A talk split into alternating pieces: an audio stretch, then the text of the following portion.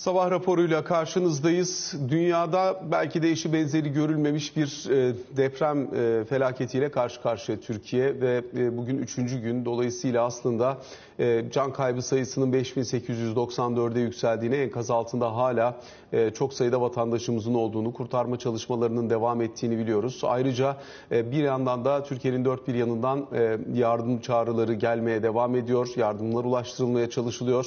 Lojistik anlamda dün akşamdan itibaren biraz daha yolların açıldığına dair haberler var. Bunlar bardağın olabildiğince dolu tarafı diyebiliriz ama genel anlamıyla bakıldığında hakikaten Türkiye tarihinin en büyük yıkımlarından bir tanesiyle karşı karşıya.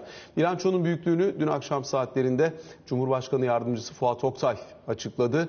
Bir onu hatırlayalım sonra devam edelim. 5894 hayatını kaybeden vatandaşlarımız. Ee, Allah'tan rahmet diliyorum tekrar. Yakınlarına başsağlığı diliyorum.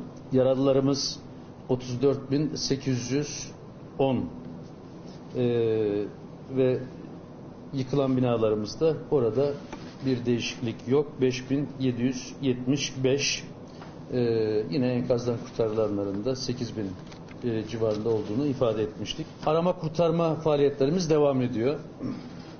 E, son e, enkaz altında bulunan son e, vatandaşımıza ulaşana kadar da bu çalışmalar devam edecek. E, toplamda arama kurtarma ekipleri olarak 16.139 arama kurtarma ekibimiz şu anda fiilen sahada. Toplamda tüm birimlerimizden, tüm bakanlıklarımızdan e, güvenlik güçlerimiz de dahildir buna ve e, sivil toplum örgütlerimizde fiilen e, çalışma gruplarında yer alan arkadaşlarımız bunlar. 60.218 kişi sağlık ekiplerimiz de dahil fiilen sahada görevlendirilmiş ve fiilen de çalışıyor. İş makineleri çerçevesinde e, 4794 iş makinamız var sahada. E, bu personel olayına baktığımızda yabancı ülkelerden gelen arama kurtarma ekiplerimiz 3251 idi. Tüm havalimanlarını e, kullanmaya başladık. Özellikle Adana Havalimanımız bizim lojistik boyutunda işimizi son derece hızlandırdı, rahatlattı. Orada da hava araçlarımız özellikle bugün 35'e 36'ya 36'yı bulan helikopterlerimizle yoğun şekilde ve tüm farklı bölgelerden uçaklarla e, alana indik. Oradan da sadece karadan değil havadan da fiilen uçuşlarımız devam etti. Dün Cumhurbaşkanı Recep Tayyip Erdoğan'ın da açıklamaları oldu. Felaket bölgesindeki 10 ilde 3 aylığına olağanüstü hal ilan edildiğini açıkladı. Acil yardım ve destek faaliyetleri için ilk etapta hemen 100 milyar liralık bir kaynağı kurumlarımızın emrine tahsis ettik. Dün AFAD'da yaptığımız basın toplantısında da ifade ettiğim gibi ulaşım ve iletişim hatlarının açık tutulması hayati öneme sahiptir. Çetin kış şartları sebebiyle deprem bölgesine arama kurtarma ekip ve ekipmanları ile yardım malzemelerinin ulaştırılmasında halen zorluklar yaşanıyor. Bunun için zorunlu olmadıkça kimsenin deprem bölgesine giden ve deprem bölgesi içindeki yolları kullanmamasını, telefon görüşmelerinin de acil ihtiyaçlar dışında yapılmaması gerektiğini tekrar hatırlatıyorum. Yaşadığımız deprem afetinin ve etkilerinin vehameti fevkalade tedbirler almamızı zorunlu hale getirmektedir. Depremin yaşandığı 10 ilimizi genel hayata etkili afet bölgesi olarak ilan ediyoruz. Arama kurtarma faaliyetlerinin ve sonrasındaki çalışmaların süratle yürütülebilmesini temin için anayasanın 119. maddesinin bize verdiği yetkiye dayanarak olağanüstü hal ilan etme kararı aldık. Deprem yaşanan 10 ilimizi kapsayacak ve 3 ay sürecek bu kararla ilgili Cumhurbaşkanlığı ve meclis süreçlerini hızla tamamlayacağız. Olağanüstü hal kararı resmi gazetede yayınlanarak yürürlüğe girdi. Önümüzdeki 3 ay boyunca bakalım bölgede olağanüstü halin uygulama esasları nasıl şekillenecek? Kahramanmaraş, Hatay, Malatya, Gaziantep, Adıyaman, Diyarbakır, Şanlıurfa, Kilis, Adana ve Osmaniye. Deprem felaketinin vurduğu 10 ilde yaraların hızla sarılması için harekete geçildi. Cumhurbaşkanı Erdoğan, anayasanın 119. maddesine dayanarak 10 il için o hal kararı alındığını açıkladı. Türk lirası ve döviz hesaplarına yapılan havaleler... Karar Cumhurbaşkanı tarafından imzalandığı gün resmi gazetede yayınlanacak. Ve aynı gün o hal tezkeresi Türkiye Büyük Millet Meclisi'ne sunulacak. Genel kurul gündemine gelerek oylanacak. Kabul edenler, kabul etmeyenler kabul edilmiş. Meclis, Cumhurbaşkanı'nın istemi üzerine olağanüstü halin süresini kısaltabilecek, uzatabilecek veya o hali kaldırabilecek. Süre uzatımı her defasında 4 ayı geçemeyecek. Cumhurbaşkanı Erdoğan o hal sürecinde kanun hükmünde kararname çıkarabilecek. Gerekli harcamalar öncelikle kamu kaynakları ve yardımlardan sağlanacak. Acil ve hayati ihtiyaç maddeleri için harcamaya yeterli para, kamu kaynaklarından zamanında sağlanamadığı takdirde bölgedeki kredi kuruluşlarının olanaklarından yararlanılacak. Belirli yerleşim yerlerine giriş çıkış sınırlandırılabilecek. O yerleşim yerleri boşaltılabilecek veya başka bir yere nakli sağlanabilecek. Resmi ve özel okullarda öğrenime ara verilip yurtlar süreli veya süresiz kapatılabilecek. Tehlike arz eden binalar yıkılabilecek. Sağlığı tehdit ettiği belirlenen taşınır ve taşınmaz mallar imha edilebilecek. Kara, deniz ve hava trafiğine ilişkin tedbirler alınabilecek. Ulaştırma araçlarının bölgeye giriş ve çıkışlarının kayıt altına alınmasının yanı sıra yasaklanması da söz konusu olabilecek. En son o hal terör örgütü FETÖ'nün 15 Temmuz 2016'daki darbe girişiminden 5 gün sonra ilan edilmişti. 3 ay süreyle Türkiye genelinde ilan edilen o hal 7 kez uzatılmış, 18 Temmuz 2018'de ise kaldırılmıştı. Şimdi Nurol Yatırım Bankası Yönetim Kurulu Başkanı Ziya Akkurt'la birlikteyiz. Bugün sabah raporunda. Ziya Bey hoş geldiniz yayınımıza. İyi yayınlar diliyorum Açıl Bey. Tabii ki çok zor dönem, çok zor durum. Önce bir deprem ve sonrasında yaşananlara ilişkin görüşünüzü almak isterim. Öyle başlayayım ondan sonra diğer detaylara bakmaya çalışacağız işimiz gereği. Ee, gerçekten çok büyük bir felaket. Ee, bu kadar büyük bir bölge, bu kadar büyük bir nüfusu etkileyen e, bir olay. Ee, hakikaten yüzyılın felaketi diye adlandırılabilir. Ee, ölenlere başsağlığı, e, Allah'tan rahmet diliyorum. Ee, yakınlarına başsağlığı. Ee, yaralılara da acil şifalar diliyorum. Umuyorum e, kayıplar e, bu belirtilen rakamlarda e, kalır ama görünen o ki e, bu artacak gibi e, görünüyor.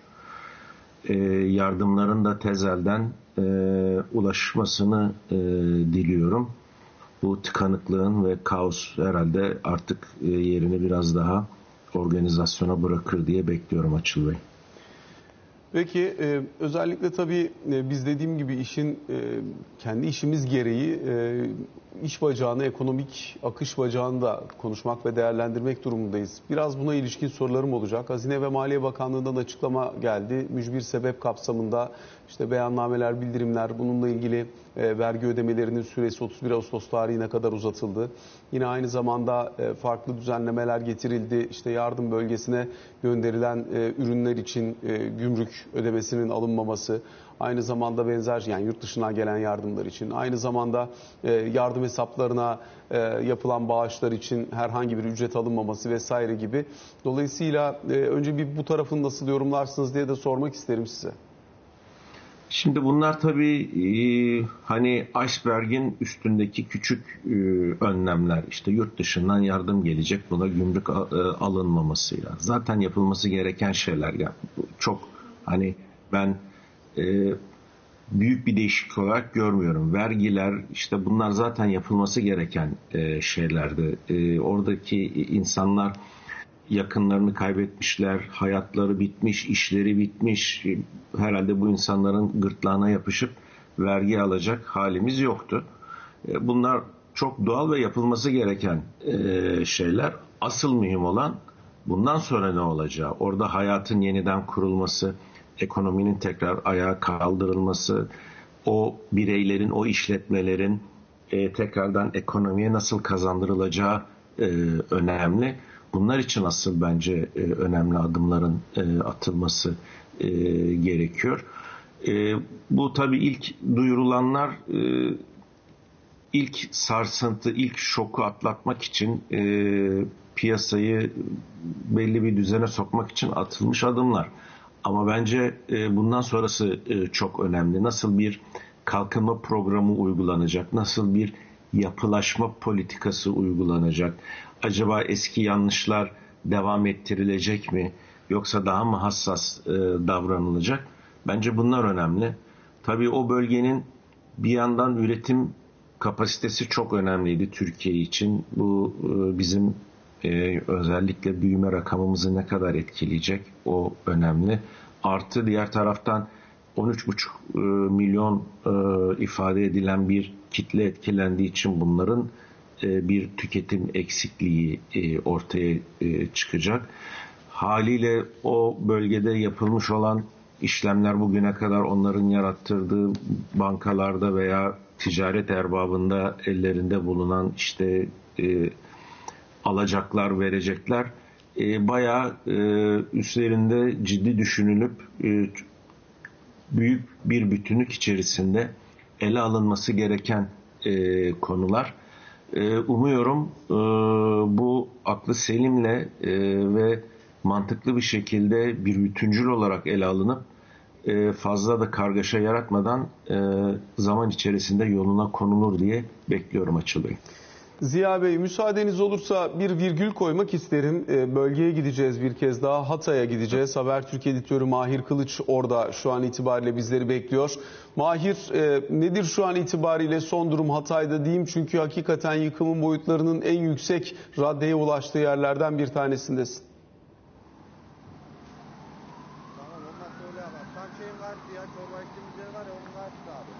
Evet, kelimenin tam anlamıyla o şekilde depremin merkezi Kahramanmaraş ancak en az Kahramanmaraş kadar etkilenen yer Hatay oldu. Özellikle Hatay'ın kent merkezi hemen arkamda etkilenen yıkılan o binalardan bir tanesi var. Maalesef 8 katlı bir bina yerle bir oldu ve bina yıkıldığından bu yana da buradaki çalışmalar kesintisiz bir şekilde devam ediyor. Maalesef yaklaşık yarım saat önce yayını beklerken bizler buradan bir, çocuğun cansız bedenin enkazın altından çıkarıldı. O bölgede çalışmaların yoğunlaşında ifade edelim. Burası Atatürk Bulvarı ve oldukça işlek bir ana arter. Maalesef bu bölgede çok sayıda binanın yıkıldığını ifade edelim. Şu an ekrana getiremezsek de bu binanın hemen arkasında başka bir bina maalesef yıkılmış. Odabaşı Mahallesi geçiyor. Orada da oradaki vatandaşların vinç ve ekip beklediğini ifade edelim. Bizlere bu, bu yönde ulaşan talepler var. Yine e, çadır noktasında da bir ihtiyaç olduğu belirtiliyor. Yayından önce vatandaşlar bizle konuşup bu taleplerini ilettiler. Karşımızdaki enkaza dönecek olursak eğer 9 kişinin olduğu ifade ediliyordu. Burada maalesef dediğimiz gibi bir çocuğun cansız bedenine ulaşıldı. Kalanları sağ salim kurtarmak için çalışmalar yoğunlaşmış durumda. Büyük bir kolon zannedersem orada kolon parçası daha doğrusu vinçle onu kaldırmaya çıkarmaya çalışıyorlar. Sabah saatlerinde kepçenin burada yoğun bir çalışması vardı. O kenara çekildi çalışmayı tamamladı. Şimdi o büyük parça vinç yardımıyla kaldırılmaya çalışılacak. Daha sonra ise artık kazma kürek yani daha hassas bir çalışma devreye girecek. Dediğimiz gibi tek amaç burada enkaz altında kalanlara sağlıklı bir şekilde ulaşabilmek. Hatay'ın merkezinde maalesef birçok bina yıkıldı. Belki 3 binadan ikisi ya yıkıldı ya da oturulamayacak, kullanılamayacak halde hasar gördü dersek yanlış olmaz. Evet o büyük parçayı oradan vinç şu an çıkarmaya çalışıyor. Kente deprem dolayısıyla elektrik verilemiyor iki gecedir maalesef. O da çalışmaların aksamasına yer yer sebep oldu ancak günün ışımasıyla birlikte aydınlanmasıyla birlikte çalışmalar yeniden hız kazandı neredeyse her enkazda. Ekipler var. Ekipler çalışıyor. İlk gün çok fazla bina yıkıldığı için müdahale biraz zor olmuştu artık. Ancak fakat bugün itibariyle il dışından gelen ekiplerin de desteğiyle, yurt dışından gelen ekiplerin de desteğiyle çalışmalar devam ediyor. Öyle ki dün gece burada çalışan ekiplerden bir tanesi Özbekistan'dan gelmişti. Özbekistan'dan gelen arama kurtarma ekibi buradaki çalışmalara katıldı. Yine başka ülkelerden gelenler de burada Hatay'da enkazlarda çalışıyorlar. Dediğimiz gibi tek amaç oradaki yaralılara ulaşmak ki 2000'e yakın kişinin Hatay'da enkazdan yaralı kurtarıldığını ifade edelim. Evet o büyük parça olduğu yerden kaldırıldı. Ee, çelik kesme makaslarla o demirlerden kurtarılmaya çalışıyor anladığım kadarıyla. Daha başka büyük bir yıkıntıya sebep vermemek adına e, ulaşımda bazı sorunlar vardı yer yer. Onlar büyük oranda çözüldü. Onun da sebebi yıkılan binaların maalesef e, bazılarının yollara e, doğru devrilmesiydi. Dolayısıyla yolların tamamen kapandığını gördük bizler de. Bir yerden bir yere ulaşmak çok zordu. Ancak kepçeler, tozerler yolları da çok büyük oranda temizledi. Yaklaşık 52 saat geride kaldı. Depremin üzerinden geçti. Artık çalışmalar çok daha koordineli bir şekilde yürütülüyor diyebiliriz. İl dışından gelen ekipler burayı tanıdı. Çalışma alanlarını gördü ve artık kesintisiz bir şekilde burada ekipler arama kurtarma çalışmalarını gerçekleştiriyor. Dediğimiz gibi burası bizim açımıza girebilen bir e, enkaz maalesef. Bu civarda da yine çok sayıda binanın yıkıldığını ifade edelim. Odabaşı Mahallesi diye geçiyor burası. E, vinç gerektiğini ifade etti buradaki vatandaşlar. Dileriz onlara da en kısa zamanda e, gerekli araçlar gidecek. İl dışından ve yurt dışından gelen ekiplerin de çalışmalara başladığını ifade edelim. Onlarla birlikte günün aydınlanmasıyla birlikte artık ekipler daha koordineli ve daha hızlı bir şekilde çalışıyor. Umarız enkazın altındaki herkes en kısa zamanda sağlıklı bir şekilde çıkarılır diyelim. Ve sözü Hatay'dan yeniden size bırakalım. Mahir çok kısaca e, havalimanının açıldığına dair de e, açıklama geldi ama şu anda çalışmaya başladığına dair bir bilgi var mı sende ya da e, oradan bir şekilde erişim sağlanabiliyor mu artık?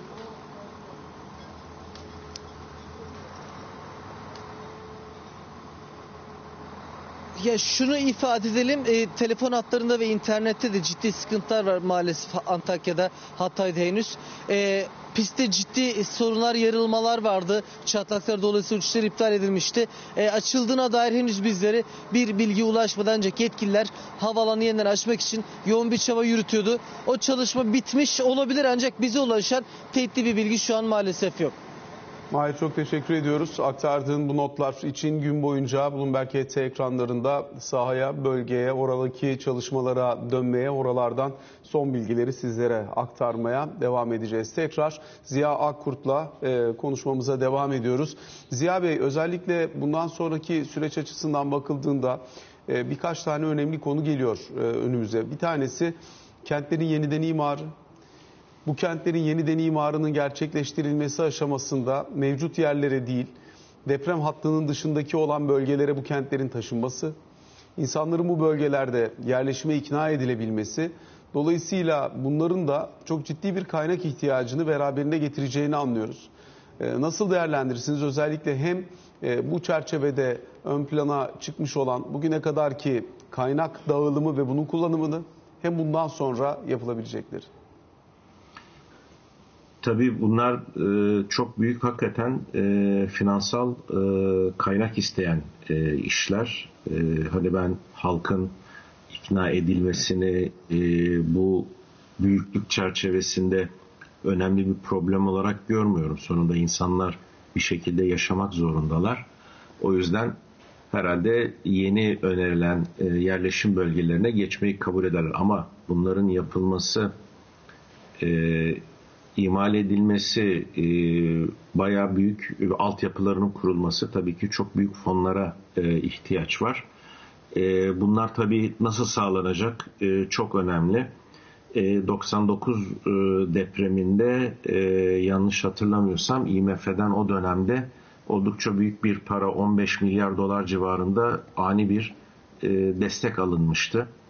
Şimdi burada e, nasıl böyle bir e, destek olacak? E, açıklanan 100 milyar liralık fon bu büyük bölge için e, hani çok küçük bir rakam olarak ben e, görüyorum. E, ilerisi için e, bu e, rakamın çok çok daha fazlasına ihtiyacımız olacağı aşikar.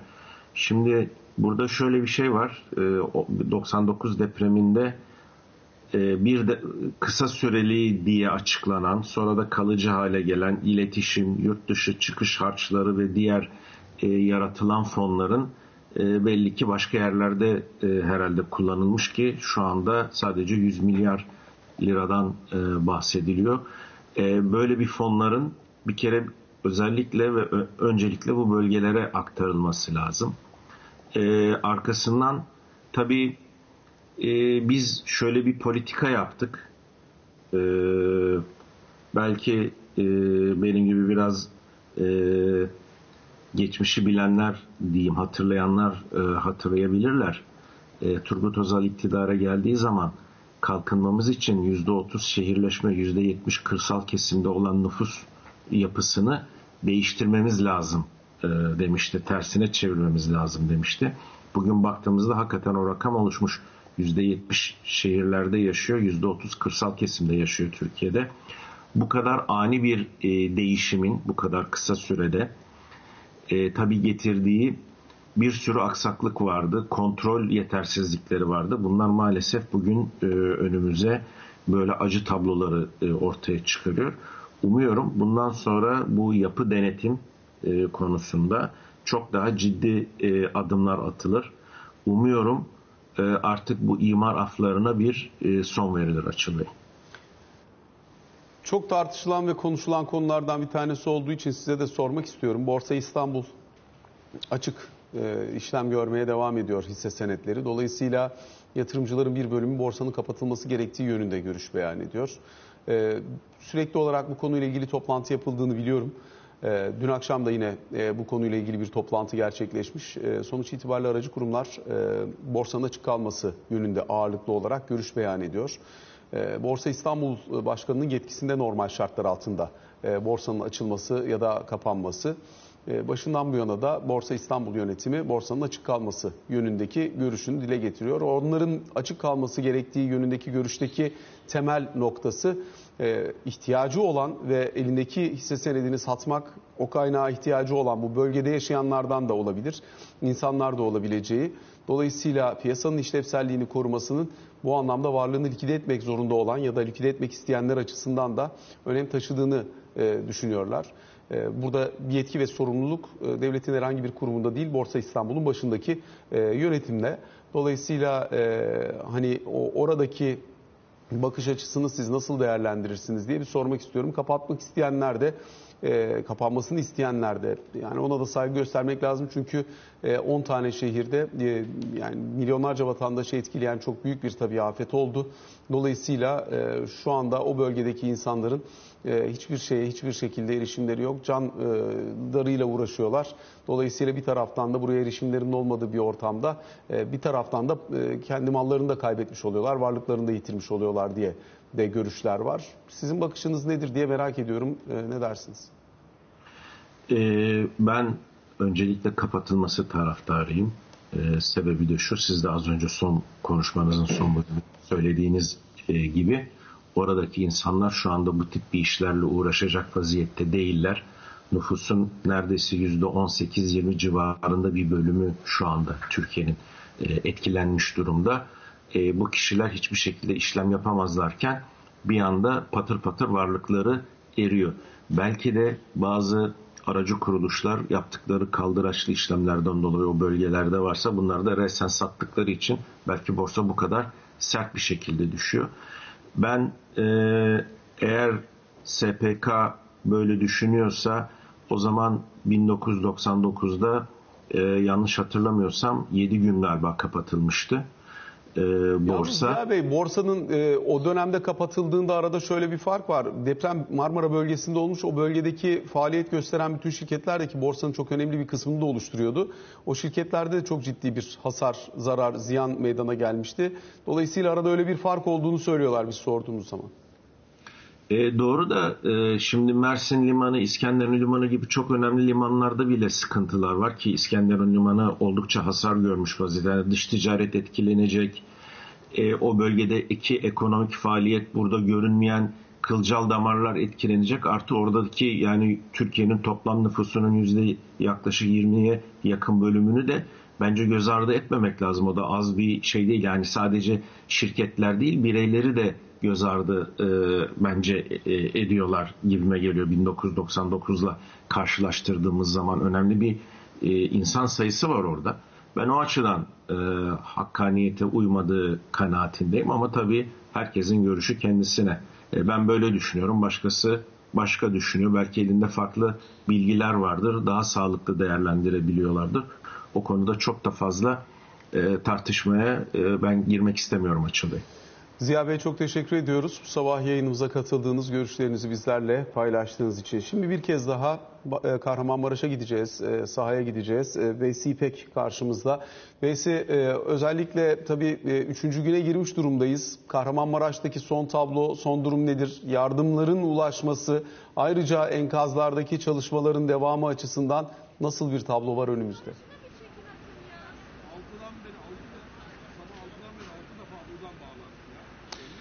Evet yardımlar tabii bugün daha iyi koordineli olduğunu söyleyebiliriz. Tabii şu anda da 12 Şubat e, ilçesinde Belede Caddesi üzerindeyiz. Azerbaycan Bulvarı'nda çalışmalar çok yoğun bir şekilde devam ediyor. Vatandaşlar da bu çalışmalara e, yakınlarının enkaz altında kurtarılmasını e, bu büyük bir umutla beklediğini belirtelim. E, şu an bulunduğumuz nokta Belediye Caddesi üzerinde bir e, caddenin bir bölümü yola kapatılmış durumda.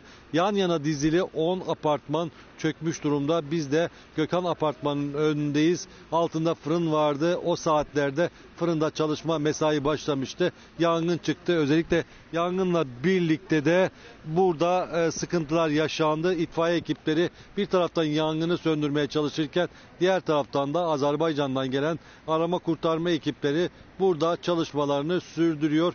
Umut veren haberler de geldi. Enkaz altından çıkarılan son 3 saatte çıkarılan 3 kişi olduğunu söyleyebiliriz. Hemen şu anda enkaz, enkazın başında bulunan arama kurtarma ekipleri e, buradaki yakınlarının orada ses aldıklarını söylemesi üzerine oraya yönelmiş durumda. Orada da 3 kişinin olduğunu belirtelim. Gökhan Apartmanı'nın hemen yan tarafında da 50. saatte kurtarılanlar oldu. Ancak e, maalesef şu an itibariyle son 3 saatte 5 ceset buradan çıkarıldı. Cesetlerin bazıları maalesef e, cenaze nakil araçları eksikliğinden dolayı burada bekletildiğini belirtelim. Cenaze nakil araçları bekleniyor. O koordinasyonda önümüzdeki saatlerde daha iyi yapılacağını düşünüyoruz. AFAD koordinasyonunda şu an itibariyle yardımlar da dağıtılmaya başladı. Gece geç saatlerden itibaren çadırlarda dağıtılmaya başladı. UMKE ekipleri de burada çalışmalara destek veriyor. Diğer taraftan da geceyi aslında eksi 4 derece soğuklukta geçiren vatandaşlar e, ateşte ateşte ısınmaya çalışıyor. Ateş yakarak ısınmaya çalışıyorlar. Enkaz başındaki yakınlarını bırakarak ayrılmak istemediklerini söylediler. Bu nedenle burada e, şu an itibariyle de onlar ateş başında yakınlarını bekliyorlar. Bir umutla, büyük bir umutla beklediğini söyleyelim. Zaman zaman da umutlu haberler gelmeye devam ediyor. Biz de bu gelişmeleri oldukça size aktarmayı sürdüreceğimizi söyleyerek sözü size bırakalım. Veysi İpek çok teşekkür ediyoruz. Allah kolaylık versin diyoruz hem sana hem oradaki herkese. Kısa bir aramız var. Sonra yeniden karşınızdayız.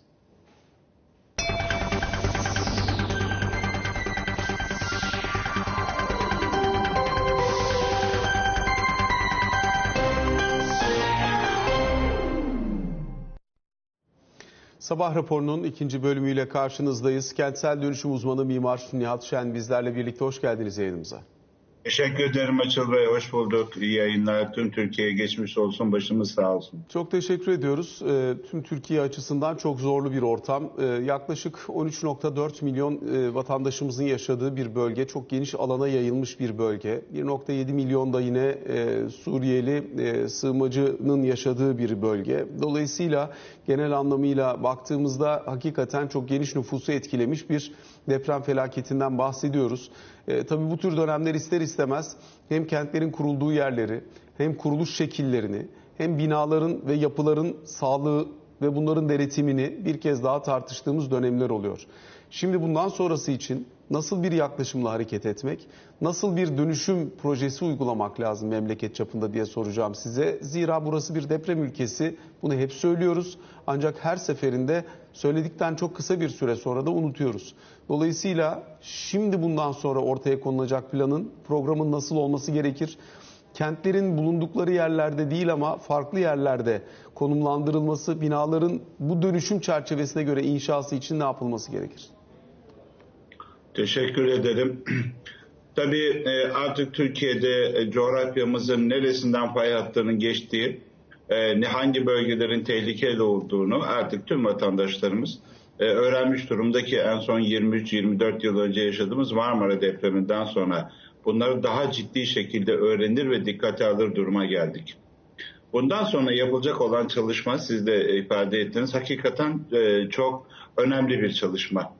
900 küsür kilometre pay hattı üzerinde bulunan bir coğrafyada artık bundan sonra pay hattı üzerine veya e, pay hattına yakın bölgelerde kurulacak şehirlerin e, deprem yönetmeliğine ve olası bir doğal afetlere karşı e, dayanıklı olarak planlanması ve yapılması çok e, önemli. Şimdi tabii e, imar planlamaları her şeyin başında çok önemli Açıl Bey şehirlerin imar planlamaları uzun vadiler e, planlanarak yapılmalı. Günübirlik yani bir meclis dönemiyle yapılan imar planlamalarıyla işte böyle çarpık kentleşmelerle karşı karşıyayız. 13,5 milyon vatandaşımızı ilgilendiren bir dönüşüm hareketi hakikaten çok kolay bir şey değil. Bu işin ekonomisi, bütçesine varıncaya kadar iyi planlamak durumundayız. Bunları yaparken tabii bölgenin e, kültürünü, mimari karakterini, yaşam tarzını e, çok dikkate almak durumundayız. Hep söylüyoruz dikey yapıdan ziyade mimaride yatay mimariye e, öncelik vermek durumundayız. Çünkü bizler toplum olarak, millet olarak toprağa yakın beşeri ilişkileri e, güçlü ve birbirleriyle temas halinde olan bir toplumuz. Bakın bugün Türkiye'nin her yerinden depremin olduğu andan itibaren can hıraş bir şekilde vatandaşlarımız evlerinde ne varsa e, depremin olduğu bölgeye göndermeye çalışıyorlar. Bu millet çok kadir şinas bir millet. Yardımlaşmayı seven bir millet. Yoktan var olmayı e, bilen bir millet. E, bunun örneklerini de geçmiş tarihlerde, savaşlarda, Kurtuluş Savaşı'nda yaşadık. Ecdatlarımız aç kalarak, donarak bu vatan evladını, vatanı bize pardon, te, e, devleti bize kurarak teslim ettiler. Bugün de aynı ruh ve aynı bilinçte, aynı birlik ve beraberlik ruhuyla şu an hep beraber yaralarımızı bir an evvel e, sarmak için e, çalışmalıyız. Tabii hava şartları çok kötü Açıl Bey. Yardımların ulaşması biraz zorlanıyor. Ee, Karadeniz'den e, Trakya'ya, e, Akdeniz'den e, Doğu Anadolu'ya kadar her yerden bölgeye gitmek isteyen binlerce vatandaşlarımız var ve yardımlarını ulaştırmaya çalışıyorlar. Şimdi bakanlık ve e, hükümet olarak, devlet olarak artık yapılan yanlışları tekrar edileceğini zannetmiyorum. Bu nedenle 10 ili ilgilendiren ve 13,5 milyon vatandaşımızı ilgilendiren bir dönüşüm hareket, dönüşüm hareketini bu yaşanan olaylardan ders çıkararak daha e, planlı, daha düzgün, e, daha bölgeye uygun e, ve doğru malzemeler kullanarak yapılacağı kanaatindeyim. Bu inancım da bu konuda tamdır. Bu konuda yetişmiş tecrübeli teknik arkadaşlarımız var, planlamacılarımız var ve hakikaten dünyada belirli bir seviyede isminden söz ettiren bir müteahhitlik kesimi var. Yönetmeliklerimiz gayet açık ve net, açıl. Hangi sistemle, hangi metotla inşaatların yapılacağı standartlara bağlanmış durumda. Artık e, eline keser alan, eline çekiç alan kimse müteahhit olamıyor. Müteahhitlik sınıfları da Türkiye'de değişti. Bu nedenle ben önümüzde ciddi bir süreç var. Ciddi bir yapılanma süreci var. Bu yapılanma süreci devam ederken tabii ki e, moralimizi e, düzgün tutmalıyız. Bir takım provokasyonlara gelmemeliyiz birlik beraberlik içinde siyasetin iktidarı muhalefeti el ele vererek bu süreci beraber götürmek durumundayız. Artık e, fay hatlarına e, şehirleri kurmayacağız, binalar yapmayacağız ve planlamamızı o bölgenin genel karakteristik özelliklerine göre mimari değerlerine ve kültürüne uygun bir şekilde yatay mimariyi baz alan bir planlamayla önümüzdeki süreçte bu işin planlanacağını düşünüyorum. Tabii ciddi bir ekonomik e, külfet de getirecek ama bu ekonominin de bu e, finansının da ben çözülebileceği inancındayım. Peki Nihat Bey özellikle biz kentsel dönüşüm adı altında hep bunu programlarda söylemeye çalışıyorum ama ağırlıklı olarak bina yenileme yaptık. Ee, binayı yıktık yerine yenisini diktik. Ee, biraz Evet. şeklini şemalini değiştirdik. Biraz daha güçlüsünü diktik ama yine e, zemini burada en belirleyici faktörlerden bir tanesi ki bu depremde çok net olarak bunu da gördük. Dolayısıyla bir deprem yönetmeliği, deprem bina yapım yönetmeliği açısından bir revizyona bu yaşanan depremden sonra ihtiyaç var mıdır? Çünkü bu büyüklükte bir deprem 7.7 arka arkaya iki tane deprem hem de aynı büyüklükte neredeyse görmemiştik. Dolayısıyla buralarda bir revizyona ihtiyaç var mıdır? Böyle bir 1-2 dakika içerisinde buna ilişkin görüşünüzü de almak isterim. Şimdi özellikle 1999 Marmara depreminden sonra deprem yönetmeliği değişik defalar değişti ve son şeklini aldı. E, ufak tefek revizyonlar olabilir ancak e, bu yapılan e, hazırlıklar ve yönetmeliklerin uygulanabilirliği standartlarında biraz zafiyetler var. Ve yapı denetimlerdeki zafiyetlerin bir an evvel e, giderilmesi lazım. Bu, bu çok önemli. Ee, ama her şeyin başında bizler bir kere zihinsel olarak şu dönüşümü başarmak durumundayız. Ee, bir doğal afet olduğunda ellerimizi semaya açarak dua etmeye başlıyoruz ama 21. dakikada açıldı e, unutuyoruz. Devlet olarak burada unutmamamızı gerektiren çalışmalar yapmamız lazım. Ee, uyarıcı spotlar, bilgilendirici spotlar ve çok önemli bir şeyi değineceğim. Deprem kuşağı üzerinde olduğumuza göre eğitim müfredatımıza depremle nasıl mücadele edilir, nasıl yapılır bunları da mutlaka ilkokuldan başlayarak üniversitelere kadar ders olarak konulması lazım. Nedeni çünkü binlerce yıldır deprem var, olmaya da devam edecek. Anadolu böyle bir coğrafya.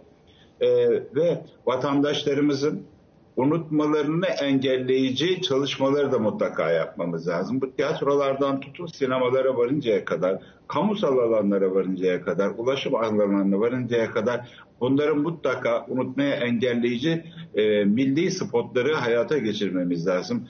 Ve birbirimize birlik ve dayanışma içinde bu süreci geçirmemiz lazım. E, ben buna inanıyorum. Nihat Bey teşekkür ediyoruz. Bu sabah Evet. sorularımızı yanıtladığınız, görüşlerinizi bizlerle paylaştığınız için sabah raporuna böylelikle son noktayı koymuş oluyoruz. Hoşçakalın.